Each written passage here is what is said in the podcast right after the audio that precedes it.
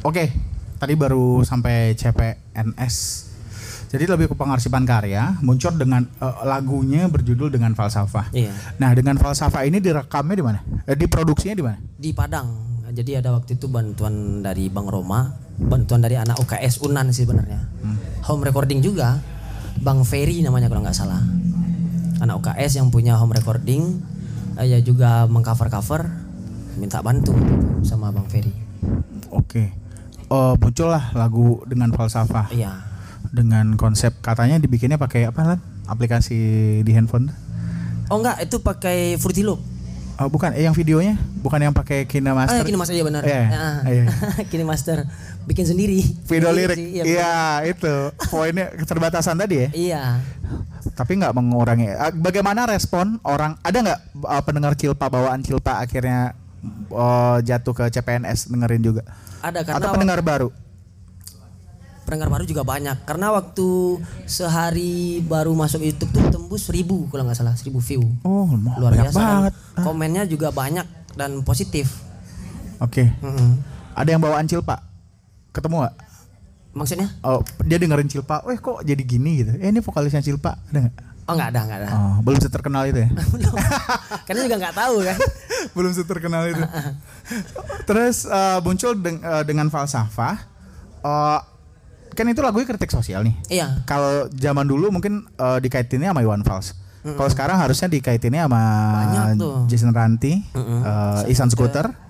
Siapa lagi ya? no stress banyak No stress bener, no Banyak. stress. Mm. Dimirip-miripin nggak? banyak sih yang bilang gitu Di komentar atau di langsung? komentar banyak bilang gitu Apa nih? Oh ini kayak Jason Ranti nih gitu. Heeh. Padahal Lu beda mau- banget. Lu mau jadi Jason Ranti kayak gitu kan? Oh. ya tapi kan lirik sama kemasan musiknya kan beda bilang gitu kan. Tapi apakah berkiblat ke mereka atau enggak sebenarnya? Eh masuk Kan ini awalnya cinta nih, ya kan? Eh, hubungan relationship nih judul la- lagu-lagunya. iya. Muncul muncul dengan kritik sosial atau emang karena ini stok lagunya emang campur-campur? Iya emang campur-campur. Oh, enggak enggak tidak ini ya. Tidak membatasi diri terhadap satu tema aja sebenarnya. Iya. Maunya sih dulu lebih luas lagi nggak cuma kritik sosial, mau merambah musik teater juga kan. Cuman ketika di Jogja materi udah ada beberapa waktu itu ada lima lagu kritik sosial dan lima lagu cinta. Mm. Ketemulah baru tahu kan ada Jason Ranti di, di baru tanya di Jogja kan ada Jason Scooter. Wah keren nih kayak ini. Itu lebih me- memperkuat lagi ya ya gua harus muncul kayak gitu. Oke. CPNS lahir eh, sebenarnya karena pengen apa? Maksudnya karena Cilpa bubar atau sebenarnya emang ini memang di- diniatkan dari dulu memang mau solo? Daripada nggak jalan sih sebenarnya. Oke. Terus daripada banyak keterbatasan teman-teman yang nggak bisa mengakomodir ya mending jalan sendiri. Oke, jadi semua rekaman dibantuin Bang itu tadi Bang Roma, Bang, Ferry. Eh, di studio 3AM itu. Di 3M sempat rekaman cuman nggak rilis-rilis kekurangan dana waktu itu. Oh, Oke, belum beres. Ada beberapa yang belum bayar. Ini mixing mastering di mana? Enggak kalau dengan falsafah sih nggak nggak mixing mastering karena tag gitar, bansi, vokal, piano, gambar. Oh, live. Iya, enggak live sih emang satu-satu, udah lempar tanpa mixing. Oh. Dia edit dikit doang sih sebenarnya. Hadis. Oke oke, La- lanjut aja lempar ya. Heeh, karena emang konsep musik sih nggak ribet. Pengennya ya Simpel ya. dulu kan emang ditanya waktu zaman Cilpa kenapa nggak pakai drum? Emang pengen simple aja gitar. Karena nggak tutup, karena nggak harus pakai drum kan, udah ada tempo di situ. Iya benar, semuanya dibatik, digambar ya. Iya. Oke. CPNS muncul, eh, sekarang udah rilis lagu ke Lagu keempat mau rilis lagu kelima. eh, dari empat lagu yang rilis, lagu Cilpa berapa? Lagu yang di- setelah dirilis bersama Cilpa berapa? Berapa? Baru satu Narasangsa. Baru Narasangsa. Jadi yang di CPNS itu tiga lagu kritik sosial, satu lagu cinta yang Narasangsa. Oke. Eh, emang maksudnya campur begitu atau memang mau ngasih statement cep bahwa CPNS itu singkatannya apa? Eh kepanjangannya apa? Calon pemusik negeri Nah, sipil. nanti kita tanya kenapa namanya itu.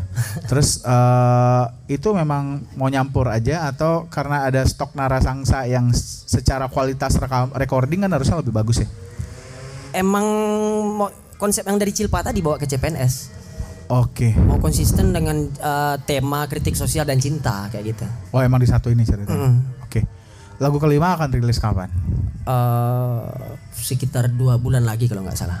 Oh dengan tema sama kritik sosial sama lagi. ah cinta yang penggenggam hujan masih materi cilpa yang yang Oh lama penggenggam hujan. Oh iya dari Cilpa ya. Iya. Ini di versinya berbeda berarti.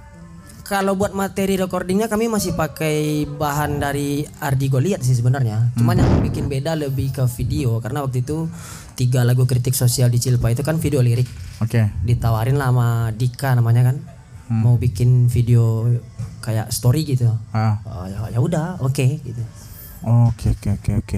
Kenapa namanya CPNS? Nah ini basic banget pertanyaannya. Ah, lebih ke CPNS itu karena orang tua lebih nyuruh jadi CPNS setelah kuliah jauh-jauh kan Oh, Oke. Tapi kan ke Jogja S2 emang buat jadi dosen. Dosen dosen kan juga ada ya dosen yang PNS. Iya. Kenapa tidak melakukan itu gitu?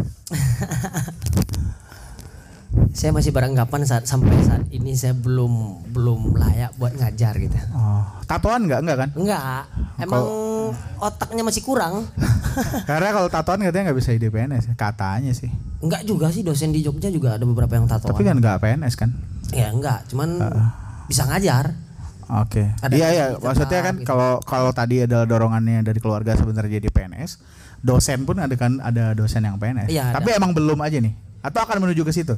Enggak tutup kemungkinan menuju ke situ cuman belum ketemu jalannya kan Eh, karena sekarang belum, jadi Iya. calon aja dulu. eh jalan aja dulu Tapi itu plesetan kan, calon apa? calon pemusik Pemusik? bukan pegawai Oh, pemusik. calon pemusik negeri sipil gitu Nama solonya itu. iya CPNS. PNS Calon pemusik negeri sipil. ribet ya kepanjangan Enggak juga sih, tapi eh kece lah. Enggak udah di kalau di googling udah ada nama band yang CPNS belum? Pernah cek di Google nggak? belum kayaknya belum belum pernah cek belum pernah cek Oke, harusnya manggungnya pakai ini baju korpri. baju linmas di edit-edit gitu. kalau di YouTube bisa dilihat tuh eh, apa namanya ya kalau yang di atas timeline ya Apa sih? Thumbnail. thumbnail Ah. bukan thumbnail sih kalau kita buka profil di YouTube kan ada logo terus ada beranda video terus yang di, yang background yang di atas paling atas itu Oh iya iya iya. Ah. itu ada tulisan linmas ya plesetin juga libas iuran negara masyarakat akan sengsara gitu. Oh, Oke, jadi emang tematiknya itu ya. iya CPNS. Udah pernah manggung belum dengan nama CPNS?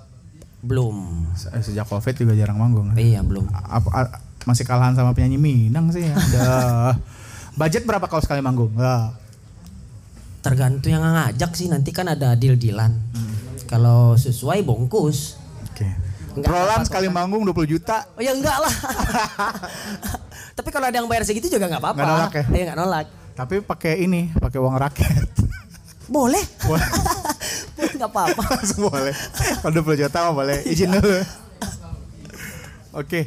eh, jadi CPNS akan ber- akan terus berlanjut sebagai proyek solo. iya Lah, eh kenapa pada akhirnya eh ini loncat ya? Hmm. Tadi kan katanya sempat riset pulang nih. Kita mundur lagi ke belakang setelah CPNS. Kan Cilpa udah, CPNS udah. Nah, kita masuk ke si buku. Tadi kan Roland bilang ke bu, pulang ke kampung untuk riset. Itu sebenarnya riset apa? Riset tesis. tesis ya tesis Riset tesis. Dan memang bahas eh, Barzanji ini. kalau dulu sih dari awal masuk tuh udah kepikiran nggak mau ngambil pengaruh musik terhadap anak berkebutuhan khusus Down syndrome. Cuman setelah kuliah sharing sama dosen sama teman-teman kayaknya berat. Kenapa? Karena nggak ada basic eh, itunya. Klinis. Lebih ke itu sih karena kita nggak bisa komunikasi lancar sama anak-anak yang berkebutuhan khusus. Jadi kayaknya nggak nggak mungkin terlalu berat kan. Psikologi jatuhnya kan. Iya. nggak nggak kuat gitu terus ya pulang denger ada Barzanji sebenarnya pas pas awal denger tuh juga bingung Barzanji apaan gitu kan ya udah pulang coba lihat riset ternyata oh ya udah Oke. Berarti Barzanji ini dari awal emang nggak tahu. Emang Ah, nggak tahu. bel- baru tahu malah baru ketika mau riset. ah ah Mau nyari judul ah, ceritanya. ah, mau ju- judul ya Ketemulah Barzanji. ini. Barzanji Eh, kenapa dikait-kaitkan ke pesisir selatan? Atau emang eh, biar pulang kampung aja? orang tua sih yang nyuruh karena bingung kan telepon orang tua kan Nah. udah ketemu judul belum karena teman-teman udah maju semua kan udah udah proposal segala macam kita ma- masih masih mikir-mikir gitu kan mau apa tuh telepon sama orang tua pulang aja karena di sini ada kesenian di rumah gadang kaum suku Panai katanya kan Hmm. ya udah coba pulang pulang dan cerita cerita sampai jadilah buku ya kan Barzanji ini eh, ah, langsung masuk ke buku nih ya. Barzanji itu oh, pada awalnya emang diniatkan menjadi buku atau hanya produk tesis aja? itu lebih si janji saya ke dosen sih karena emang Atau di, U- di UNY ditargetkan untuk menjadi buku? Enggak tesis? juga, enggak. Cuman dosen saya minta dulu kalau bisa jadi buku nantinya katanya. Hmm. Biar kazananya bertambah gitu, lebih luas lagi gitu. Yang Pak Narto ini kan Dokter Sunarto, dosen saya. Oh itu dok, itu dosennya. Dosennya. Barsanji masuk ke Barsanji. Eh, apa yang ditemukan ketika meriset Barsanji? Saya jujur ini belum baca buku Roland. Eh, ini udah dipublish katanya. Iya. Eh, dan di- bisa dis- dibeli secara offline dan nanti akan bisa online. Iya. Eh, Barsanji ini eh, harganya berapa lan? Belum ada kesepakatan dari penerbit, cuman kalau yang buat di Finance sih saya jual satunya 125.000 ribu. 125 ribu. banyak Kalau kalau kalian beli 125 ribu laku semua itu Roland bisa naik haji. Bisa recording, nambah materi baru CPNS kan? Oh iya iya. Untuk itu lagi sebenarnya. Iya. But- tapi kalau mau order pribadi mah bisa ya? Bisa. Ke ke Instagram. Instagram, Olan Script, eh masuk ke Barsanji dulu biar orang paham konteksnya. Ini tuh kesenian atau oh, kegiatan keagamaan? Jadi saya ke sejarah dulu kayaknya. Ah, Iya, Barsanji itu apa? ini nama daerah di Irak, Oke. sekitar uh, Kurdistan. Jadi datuk-datuk yang menemukan ini kan Ja'far Al-Barzanji namanya. Orang dulu kan namanya kayak gitu. Ja- uh, Abdul Qadir Al-Jailani dari Jilan kayak gitu. Oke. Jadi Ja'far Al-Barzanji dari Barzan kayak gitu kan. Terus datuk-datuknya tuh lahir di sana, menetap di Madinah, lahirlah Ja'far bin Barzanji ini kan. Oke. Ja'far ini masih cucu cicit keturunan Nabi Muhammad. Oke. Jadi waktu itu di era Salahuddin Al-Ayubi umat Islam waktu itu mempertahankan serangan dari bangsa Eropa perang salib kan Hmm. karena kita waktu itu lagi kacau-kacaunya Iya. dibikinlah sayembara sama Salahuddin Al-Ayubi untuk membangkitkan semangat lagi gitu. Ini nyanyi-nyanyian perang maksudnya nih. Iya, jadi di, uh, awalnya puisi. Oke. Jadi disuruhlah dibikin sayembara uh, bikin puisi tentang Nabi Muhammad. Nah, dikumpulin lah ulama-ulama sama sastrawan yang ada di situ. Oke. Terpilih juaranya itu yang Ja'far ini, Syekh Ja'far. Mereka eh, akhirnya dia juara. Terus eh, waktu itu jemaah haji itu semua diminta ketika pulang tolong ini dibawa ke kampung halaman kayak gitu. Oke. Ini kesenian Islam secara universal sih kayaknya. Tapi kalau tiba di daerah emang terjadi campuran kayak gitu. Hmm. Lanjutannya apa? Setelah kenapa itu malah jadi kepainan? Kan itu basicnya di Irak. Nah, jadi waktu itu kalau di sejarahnya di Painan ada dulu di Pariaman namanya Syekh Burhan Burhanuddin Ulaan dari Ulaan kan. Dia Ulaan itu belajar apa? Nama kampung. Iya, nama kampung, Di, nama di, Pariaman. ya. Oh, iya. Jadi Syekh Oh, Burhan- berarti di belakang tuh biasanya nama daerah Iya. orangnya dari mana ya? Iya, misalnya Raja Al Fainani kayak gitu, Oh, Fanani kayak gitu. gitu. Terus, Roland terus, terus. Al Langkisawi kayak gitu. Terus si eh, dari Pariaman malah Dari yang Pariaman. mengadopsi. Ah, Kenapa proses proses akulturasi ini terjadi gitu kan ini jauh banget di Arabik ya? Apa karena Islam masuk ke kita ke Mm-mm. Sumatera Barat? Jadi eh, dulu sentral pendidikan Islam itu kan di Aceh, Serambi Mekah. Itu namanya uh, Syekh Kuala. Saya lupa nama asli beliau, tapi Syekh Kuala. Itu gurunya Syekh Burhanuddin Ulaan. Hmm. Jadi terekatnya itu terekat Satariah. Jadi setelah dapat ijazah waktu itu kan pulang ke Pariaman, nah di situ nyebarnya. Di Pariaman ada murid eh, Syekh Burhanuddin ini dari Bayang, Syekh Bayang. Hmm. Dibawa lah sampai ke Painan. Ke pesisir. Ini kok penelitiannya Painan atau pesisir selatan? Painan sih. Oh Painan ya. Ah. Oh, tar. Berarti konteksnya waktu itu kan puisi. Hmm. Pada akhirnya memang berupa kalau sekarang ya kalau yang nggak tahu saya juga nggak pernah lihat langsung sih sebenarnya. Cuma lihat di YouTube. Itu berupa nyanyian kan sebenarnya. Nyanyian ya. Nyanyian apa sih solawat ya? Kayak ya, kayak ngaji sih sebenarnya. Dengan gerakan kan? Ah, dengan gerakan ya. Nah, eh, di di aslinya emang begitu juga. Kalau jujur asli saya belum lihat sih. Oh. Cuma kayaknya banyak di YouTube. Cuma kalau di YouTube sih udah udah campuran juga. Oke, berarti nyampe di daerah mana jadinya jadi berbeda lagi. Ah, ah, penyajiannya sih. Cuman kalau isi kitabnya tetap sama. Namanya masih eh, ba- kitab itu maksudnya bacaannya. Iya, bacaan. Bacaannya masih sama. Bacaan isinya kan tentang puji-pujian. Jadi Barzanji itu menceritakan biografi Nabi Muhammad. Dari beliau lahir, masa kanak-kanak, remaja menikah dengan Khadijah, terus eh, akhlak-akhlak yang penting di situ. Moral Nabi di situ kan. Sampai eh, peristiwa-peristiwa penting kayak Isra Mi'raj diceritain di sana Oke, Eh, liriknya berbahasa Arab. berbahasa Arab. Ini bisa dibilang li- dibilangnya lirik dong, bukan doa Iya, kan? ah, ah. Eh, lirik. Itu doa bukan? Kalau pujian doa kayaknya, sallallahu alaihi wasallam kayak gitu. Oh, jatuhnya doa dong. Kalau yang Puja-puji, bukan bukan lirik. Ah, ah. kalau Kan yang kalau kita ngomong konteks ini kan kita sering salah nih. Ada ada kesenian Arab, Mm-mm. ya kan? Ada puja-puji atau doa kalau kita bilangnya di sini kan eh, berbahasa Arab, ya kan? Iya. Kalau ini jatuhnya apa? Doa. Barzanji itu kesenian yang kompleks. Jadi isinya puji-pujian menceritakan Nabi ditutup dengan doa.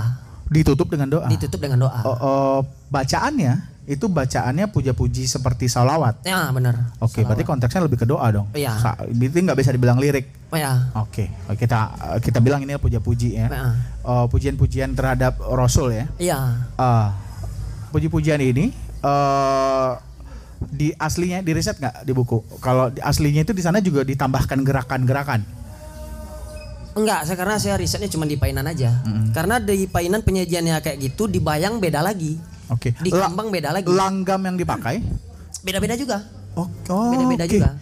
Beda daerah beda langgam nih. Nah, beda beda. langgam langgam. apa sih bahasa normalnya? Eh, kalau ba- itu apa? Irama kayaknya. Irama sih. ya. Irama langgam ngaji. ya. Ah. Iya. Kita kan bi- biasanya bilangnya di musik langgam kan. Iya, langgam. Heeh. Oh langgamnya dipakai berbeda daerah beda lagi. Beda. Oke, jadi yang sama hanya isi puja-pujiannya aja. Bener.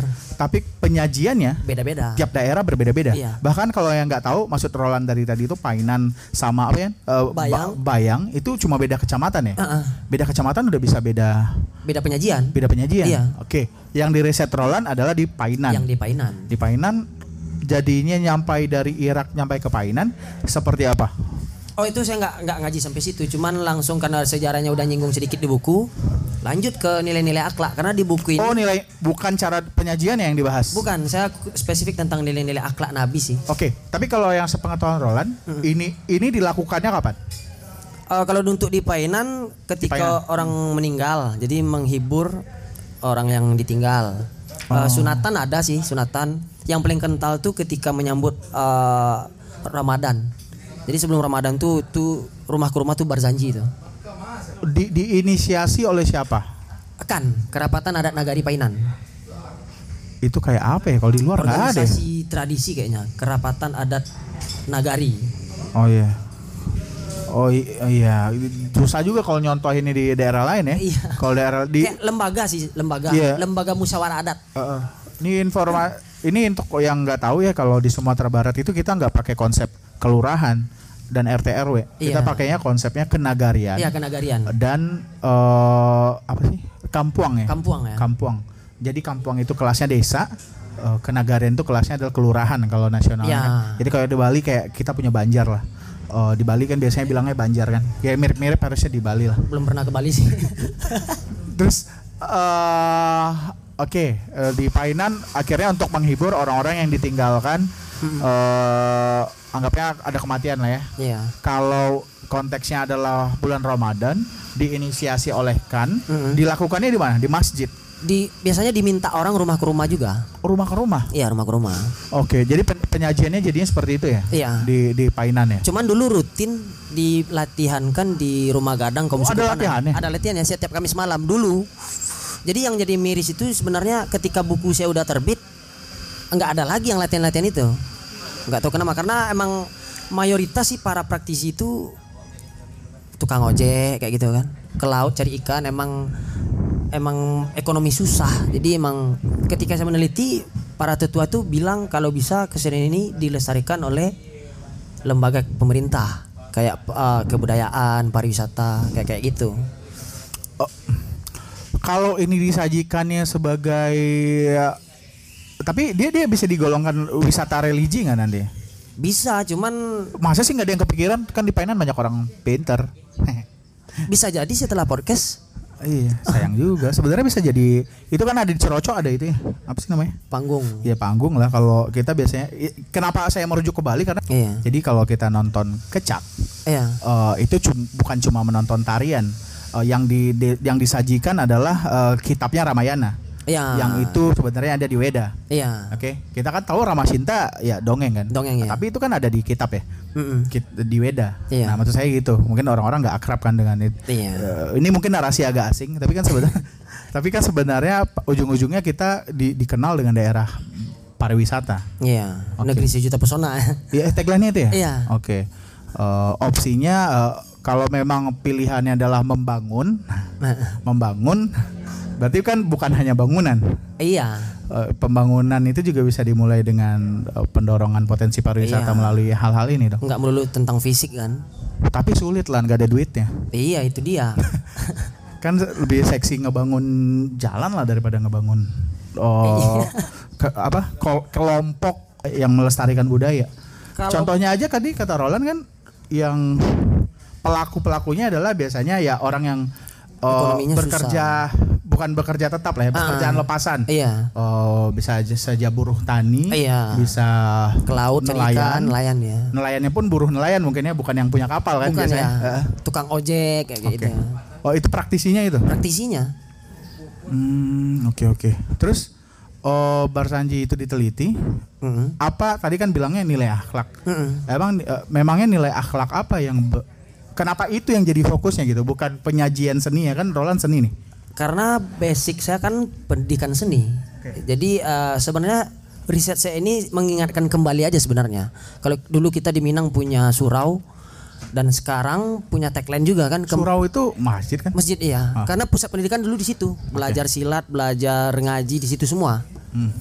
Makanya lahir kayak toko Hamka kayak gitu kan yang, yang agamanya Sahrir. Tan Malaka. Tan Malaka ya benar. Nah, jadi gitu itu. Jangan yang bos-bos. Jangan yang kanan-kanan doang, yang kiri juga dong. nggak sanggup. Tan Malaka dari Minang ya. Tan Malaka dari Minang ya. jangan lupakan. terus jadi ngobrolin itu. Ah, terus- oh, Surau sebagai sasana pendidikan. pusat pendidikan. Jadi itu kan sekarang karena eh, karena apa globalisasi, arus globalisasi itu dilupakan. Jadi makanya ada tagline kembali ke surau. Nah, saya cuma me- me- mengkaji yang dulu lagi buat mengingatkan zaman sekarang itu sih. Kalau buat riset saya nggak menemukan apa-apa, cuman mengingatkan kembali aja bahwasanya kita kaya akan nilai-nilai kebudayaan Minang kan yang sinkron dengan Islam, dengan falsafah adat bahasa India Sarak, Sarak bahasa Indi Kitabullah. Ditambah lagi kita punya panutan taulah dan Nabi Muhammad tadi. Cuman itu sih. Jadi pada akhirnya risetnya apa tadi moral, Iya, pesan moral, dari akhlak dan kegiatan moral. bersanji. Uh-uh. Dan saya juga menyinggung pendidikan di dalam karena kita kan dulu disibukkan dengan KBK ya, kurikulum berbasis kom- kompetisi. Mm-mm. Terus abis itu yang terakhir kurikulum K13 kan. Ya. Nah, di buku ini saya K13 itu singgung- yang KTSP itu bukan ya? Bukan ya? bukan lagi ya? karakter. Oh karakter. Jadi ada 13 karakter yang harus eh, diadopsi peserta didik. Jadi di buku ini saya singgung ternyata pendidikan karakter itu udah disinggung lama oleh Ki Hajar Dewantara Oke. zaman dulunya. Nah, saya nyinggung itu kenapa itu dilupakan. Ketika revitalisasi kurikulum K13, orang-orang di Jogja menggalakkan itu semua yang pendidikan Ki Hajar Dewantara. Jadi pokok buku saya di tiga ini nilai akhlak, sinkronisasi dengan nilai falsafah budaya Minangkabau, terus relevansinya terhadap pendidikan Ki Hajar Dewantara tadi, konsep pendidikan Ki Hajar Dewantara yang karakter. Kapan seseorang idealnya membaca buku ini? Dia siapa? Dan dia punya kepentingan apa? Sebenarnya buku ini sama kayak karya yang saya tulis di CPNS, nggak ada niat cuman ya daripada mending di di Didokumentasikan. Ah, gitu. Nanti kita lanjut ke proses kreatifnya. Cuma secara isi sebenarnya adalah nilai akhlak ya, Iya. bukan cara penyajian. Karena kalau saya pribadi lebih tertarik dengan cara penyajian yang Kalau cara berbeda-beda. penyajian itu lebih ke isi, jadi uh, jurusannya itu seni pertunjukan. Oh. Kalau saya kan pendidikan seni. Kalau jurusan saya seni pertunjukan, pasti saya kaji penyajian Oke. Ah. Nilai akhlaknya itu bisa dari dari itunya, dari apa? Terjemahannya. Dari terjemahan Iya benar. puja-pujiannya tadi. Ah, ah. Apa yang bisa apa yang di, di, di- di- yang bisa diambil dari situ? Banyak uh, salah satunya Dan nyambung nggak dilakukan ketika ada kematian? secara isi maksudnya. Ya secara isi. Nyambung. Oh, ya, Karena kenapa ketika Nabi bersedih, di situ para sahabat menghibur. Nah, jadi itu ya kan kalau ada kemalangan kan lagi sedih dan dihibur oleh praktisi berjanji ketika diminta di rumah. Dan itu eh, tergantung kesepakatan yang punya rumah. Kalau mau berjanji, ayo. Kalau enggak juga nggak apa-apa. Oke. Dan ketika diminta di rumah itu yang jadi masalah, para praktisi itu nggak dibayar, Oh nggak dibayar ya? nggak dibayar. Makanya emang Nggak ada manajernya sih. yang yang jadi masalah emang pelestariannya sih sebenarnya. Met- metode untuk biar ini tuh tetap tetap ada Uh-uh. dan tetap bisa menghidupi itu sebenarnya problem. Iya. Mau bikin showcase aja nih di ini nih Kupi Batigo nih. Nah itu yang kurang di sini sebenarnya. Nih. Cie. Kalau Raja bilang tadi kan kayak masa nggak ada sih pemerintah yang kayak gitu. Kalau untuk sumber daya alam kita kaya sekali. Nih, gak usah ngandelin pemerintah lah. Yang jadi Oh, masalah iya. yang salah sekarang SDM-nya, manusianya. Hmm. Tapi kalau kita bicara lebih dalam nanti ya bahaya kan. Gak apa-apa. Ini kan sebenarnya pro- problem bukan problem lah ya. Eh, Kalau kalau ini mau tetap ada, Mm-mm. eh, idealnya memang orang praktisinya bisa setidaknya mendapatkan eh, manfaat ekonomi dari Iya. kegiatan ini. Heeh. Itu yang Iya. hasil temuannya itu. Mm-mm. Oke, makanya dia hilang. kan? Iya. Dan yang kedua adalah eh, regenerisa re- karena dia tidak ada punya nilai ekonomi, Mm-mm. akhirnya orang nggak tertarik untuk belajar lagi. Iya. Jadinya nggak Ujung-ujungnya nanti mati sini itu kan. Oke, ya, ya. Kalau memang ada kegelisahan di situ ya harus di yang gelisahnya yang melakukan, ya kan? Cuma kalau saya sebenarnya gelisah cuman nggak bisa karena nggak ada power. Oke, ya. makanya saya tanya buku ini dirilis memang karena, ya kenapa akhirnya jadi merilis buku kan tadi dorongan dosen. Mm-mm. Tapi ini Jan- setelah Ya, sebenarnya. setelah berapa lama setelah lulus akhirnya ya udah deh bikin buku. Gimana jalurnya ketemu si publisher? Eh, kirim via email waktu itu. Ah. Kirim via email. nyari memang nyari publisher nih. Iya satu tahun. Kirim kirim kirim kirim. Kirimnya draft. Ah ah, draft. Ah, Emang draft tesis tok nggak diedit edit. Oke. Habis itu waktu saya kirim ke dipublish Ini publishernya dipublish ya. dipublish Yogyakarta. Ada juga penulis yang dari Painan namanya Bang Irfan udah rilis buku. Hmm. Kebetulan penemunya juga dipublish. Nah, lewat beliau lah. Draft udah saya kirim, di akhirnya terjadi deal kan kayak gitu. Hmm. Eh, ini kontraknya eksklusif berapa lama sama dipublish? Boleh di share nggak? Kalau nggak nggak apa-apa. Sekitar dua tahun apa satu tahun kalau nggak salah. Ini akan dicetak berapa banyak? tergantung permi- permintaan sih sebenarnya. Oh, berarti kok secara bisnis itu publisher yang urus atau penulis yang urus? Eh, publisher. Yang buka pre-order, yang Kalau pre kalau saya mintanya 50 ke Painan, itu yang jual. Nanti abis yang 50 eksemplar ini ya larinya ke online yang penerbit. Penerbit. Eh, tapi penulis boleh menjualkan karyanya di contohnya di event seperti ini atau di Boleh. eh, secara online di kanal yang dia kelola boleh dong. Boleh, boleh. Karena ada di Kupi Batigo ada tiga buku saya, di Diagonal juga ada, di Hana juga ada. Oke, itu di tempat-tempat yang bisa didapatkan bukunya. Iya, Kalau di DM di Instagram bisa bisa juga. apa sih Instagramnya? At olanscript underscore. Olan script underscore. Itu khusus untuk si order buku ini. Iya, Harganya 125. 125 ya. Harganya 125. Yang bacanya adalah orang yang penasaran. karena karena nggak ada target khusus sebenarnya Iya. ini untuk untuk siapa. Kan di belakang buku ini ada apa sih istilahnya kalau di buku ini? Testimoni. ya. Iya. Ini testimoninya oh kan ada beberapa orang nih. Iya. Ada satu dosen. Dosen. Ada Diri Sulaiman ini bisa dibilang ustadz nggak dia? Eh, ketika ya. saya WhatsApp eh, dia nggak mau dibilang ustadz jadi seniman aja katanya. Oke ada seniman yang namanya Diri Sulaiman yang setahu saya juga asalnya dari Sumatera Barat ya Pariaman ya. dari Pariaman. Eh, beliau yang ngasih testimoni terus siapa lagi lah? Yang di bawah Eh, itu siapa? Yang di bawah ini ketua DPRD Kabupaten Pesisir Selatan. Oke. Dan yang terakhir Ah itu yang penulis eh, novel Hyderabad, orang Painan juga, siapa? Bang Fani. Yang main biola? Eh bukan ya? Bukan, yang waktu malam di Hana. Oh Bang Fani. Ah, ah. Bukannya dia main biola dulu? Iya di ya, jurusannya emang biola. Oh bikin novel. Mm-mm. Oh Bang Fani yang oh, salah satu yang ngasih yang ngasih testimoni. Iya. Dan yang paling atas, ini nih yang saya mau tanyakan ke Roland. Dua deh, saya mau mau tanyain. Iya. Yang pertama, eh, ini ada Gubernur Sumatera Barat, eh wakil, Wakil, Gubernur, wakil. eh, yang juga orang pesisir selatan, Iya. Dan yang tadi saya bilang ada Ketua DPR DPRD ya. pesisir selatan. Iya. Kenapa eh, dua orang ini menjadi relevan untuk berkomentar di karyanya Roland? Kalau ketua Kalau saya paham nih kalau dosen oke lah. Eh, dia, dia dia dia yang mengampu Iya. Roland dalam proses kreatif, proses penulisan penelitian. Iya. Walaupun ujung-ujungnya dijadikan buku. Iya. Kalau yang dari Sulaiman dia seniman lah ya. Iya, Walaupun dia bukan pen- dia penulis nggak sih? Apa musisi? Musisi. Musisi lah ya. Oke, masih ada seni-seninya lah. Eh, Bang Irfan eh, Penulis. dia penulis. Ah. Konteksnya masih oke lah. Ah. Nah, tiba-tiba ada dua orang eh, politisi kalau saya bisa bilang. Iya. Kenapa mereka jadi relevan berkomentar di cover buku ini, eh, di buku ini dan ditampilkan di cover. Nah, Iya. Jadi kalau Bang Ermizen, ketua DPRD itu kebetulan dekat dengan Bang Fani. Hmm. Ketika buku sudah dirilis dan penerbit minta ada nggak testimoni yang diinginkan dari siapa gitu. Saya bingung. Sharing sama Bang Fani, Abang Ermizan aja karena Bang Fani kenal dekat sama dia kan.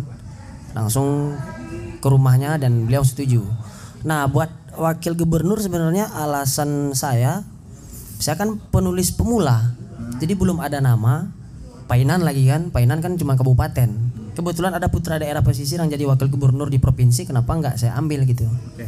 Ntar, stop dulu. Tahan dulu nih. Anggota DPR ini lebih karena link. Link. Karena link dari Bang Bang, Fani. Fani. Ah. Tapi dalam konteks berkesenian atau kepenulisan, beliau oh, menurut Roland ada singgungannya nggak dengan buku lah atau kesenian lah? Saya berharapnya dari ketua DPRD ini nanti karena beliau yang ngasih testimoni melalui beliau lah nanti bisa kesenian ini dilestarikan lewat pemerintah. Harapannya situ. Harapannya kayak gitu. ya. Oke. Eh, kalau yang wakil gubernur, Lebih ke nama sih. jadi tar dulu nih. Kalau boleh di, disimpulkan lebih simpel nih, eh, dua orang ini itu konteksnya lebih ke endorsement. Ya. Endorsement ya. Kalau promosi kan mengendorse Roland Ya. sebagai penulis baru. Hmm. Yang satu kepentingannya tadi adalah secara exposure di pemerintahan Iya. daerah Heeh. karena DPRD. Hmm. Dan yang kedua kalau Pak uh, Wakil Gubernur ini pertama dia putra daerah, oke, Nah. marknya masih masuk. Hmm. Yang kedua memang pengen exposure secara karena Lebih- kita penulis baru. Ah, ah. satu lagi karena supaya kesenian ini dikenal juga di provinsi. Oke. Heeh. Tapi pada saat itu menyadari nggak kalau membawa tokoh politik untuk memberikan testimoni pada akhirnya akan diafiliasikan menjadi pendukung mereka. Nah, itu dia setelah Ada terjadi nggak? terjadi. Oke, Jadi terjadi setelah terjadi. ah setelah buku jadi saya langsung todong kan. "Eh, Pak saya ada buku ini. Rata-rata takut. Karena? Karena kenapa Pak? Kenapa Pak? Wakil Gubernur yang di belakang. Saya nggak tahu apa-apa. Saya nggak tahu apa saya kasih ala- alasan yang kayak tadi cuman yang nggak menerima alasan kayaknya. Oke. Karena oh, saya berarti ada- Roland dikaitkan adalah sebagai eh, pendukung eh, terafiliasi secara politik dengan dua figur ini. nah Ah, ya. Satu figur yang gubernuran aja atau yang di DPRD juga? cuman satu sih. Oke. Mm-mm. Karena menjelang pemilu jadinya eh, ada tendensi eh, mereka ingin yang netral. ya Padahal Roland netral atau enggak? emang netral karena akses ke beliau mudah ya udah Oke, lebih ke akses sebenarnya. Ah, ah, lebih ke akses Jadi kalau yang dengar sebenarnya oh, berniat gak untuk menghilangkan tokoh politik di entah di buku ini atau di buku ke depannya? Ah, Ini jadi sesuatu nggak atau kayak ah lain kali nggak urusan lagi lah sama Ya, iya buat pengalaman aja sih sebenarnya. Besok kalau buku kedua kayaknya ya orang-orang yang bersangkutan aja kayaknya, yang se, se- seide maksudnya yang se, selingkungan gitu. Oke. Nggak kapok kayaknya. Berarti secara penjualan jadi mengganggu nggak? Sangat mengganggu karena dari 50 eksemplar yang baru laku itu cuma 18 buku sih Dibeli oleh personal atau instansi? personal. Oke. Berniat naruh ini di perpustakaan Painan nggak? Ah nggak ada juga orang ke perpustakaan. Ada sih sebenarnya Pak Mawari Roska, cuman tahun besok katanya. Tapi nggak ngaruh. Mending taruh di digital. Ipusnas tau nggak? Enggak. Ipusnas tuh aplikasinya Perpustakaan Nasional. Jadi si buku digital itu bisa dipinjam orang Oh, di di aplikasi itu. boleh tuh ntar nanti sharing sama Raja kan? Nggak, eh, itu enggak, saya kan juga cari bahan bacaan gratisan ya. Eh, supaya tidak membajak maksudnya. Eh, Jadi yang jadi beberapa penulis itu naruh bukunya di Jadi kayak konsep perpustakaan kan. hmm, Misalnya di buku Roland ditaruh di Pusnas ada 5 lima biji. hmm. Saya orang keenam nih, harus ngantri. Nungguin yang satu balikin Oh. ke rak digitalnya dia. Jadi kayak, ah, kayak te- pustaka ya? Ya, tapi urusan publisher dengan Ipusnas saya nggak paham lah ya eh, gimana deal-dealannya kenapa. Kan kita maksudnya kan satu file ya harusnya bisa dibaca semua orang. Iya. Tapi itu konsepnya kayak perpustakaan tapi digital. Digital, ya. Dikelola oleh pemerintah. Hmm. Jadi kalau Roland naruh lima buku, kalau ada enam orang yang satu harus ngantri, yang ini pulangin. Ah. Boleh minjamnya satu minggu.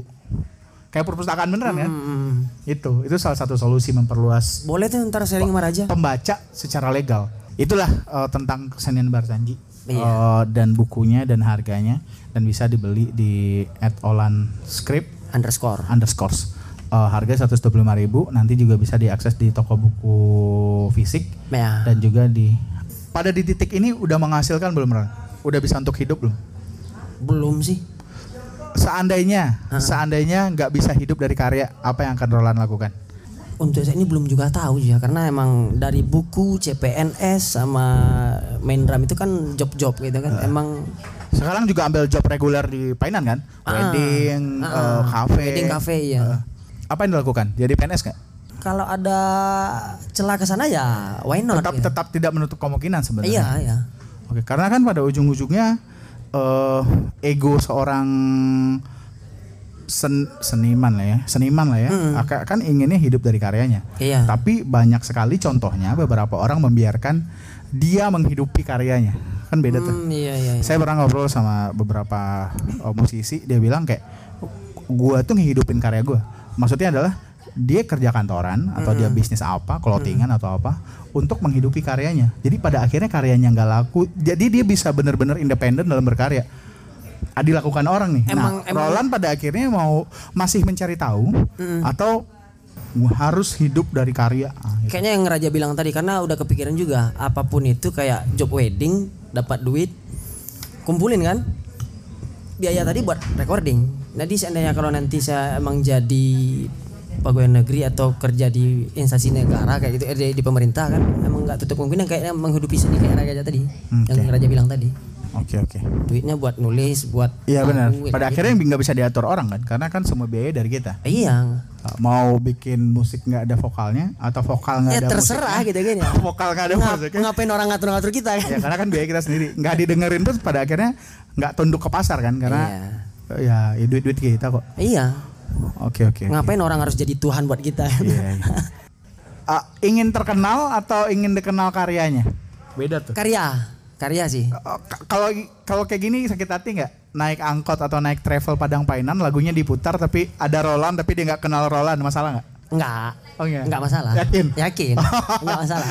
Atau dijadiin tiba-tiba dijadiin lagu gamat gamat itu lagu apa sih lagu koplonya Minang kan Gamat. Iya, iya. sakit hati tiba-tiba dengan falsafah muncul dengan ritme gamat Di remake lagi berarti Iya. ya? Enggak apa-apa. atau remake eh, di remix eh, eh, lagu-lagu angkot Enggak apa-apa. teng teng teng Yang penting orang dengar dulu kan. oke gak masalah ya Terserah mau penyanyi siapa yang penting ah, ini- eh, lagunya enak nih kayak gitu kan. Hmm, ya. Rekor nih sebelumnya 30 menit sekarang 40 menit total obrolan 70 menit ntar gue cut jadi dua episode Eh, terima kasih yang sudah mendengarkan di Spotify 130-an orang yang dengerin Eh, terima kasih eh, Clinking Apparel eh, Kopi Batigo Painan terima kasih Roland Sama-sama aja. jangan lupa beli buku Roland di at Olan Script. script underscores Iya. harga 125 ribu jangan pelit lu terus em, dengerin episode selanjutnya karena mumpung masih di kampung gue akan ngobrol sama beberapa eh, orang ajaib lah di kota ini biar kalian juga tahu kepainan biar paham kepainan itu kota apa dan isinya siapa aja ya Iya.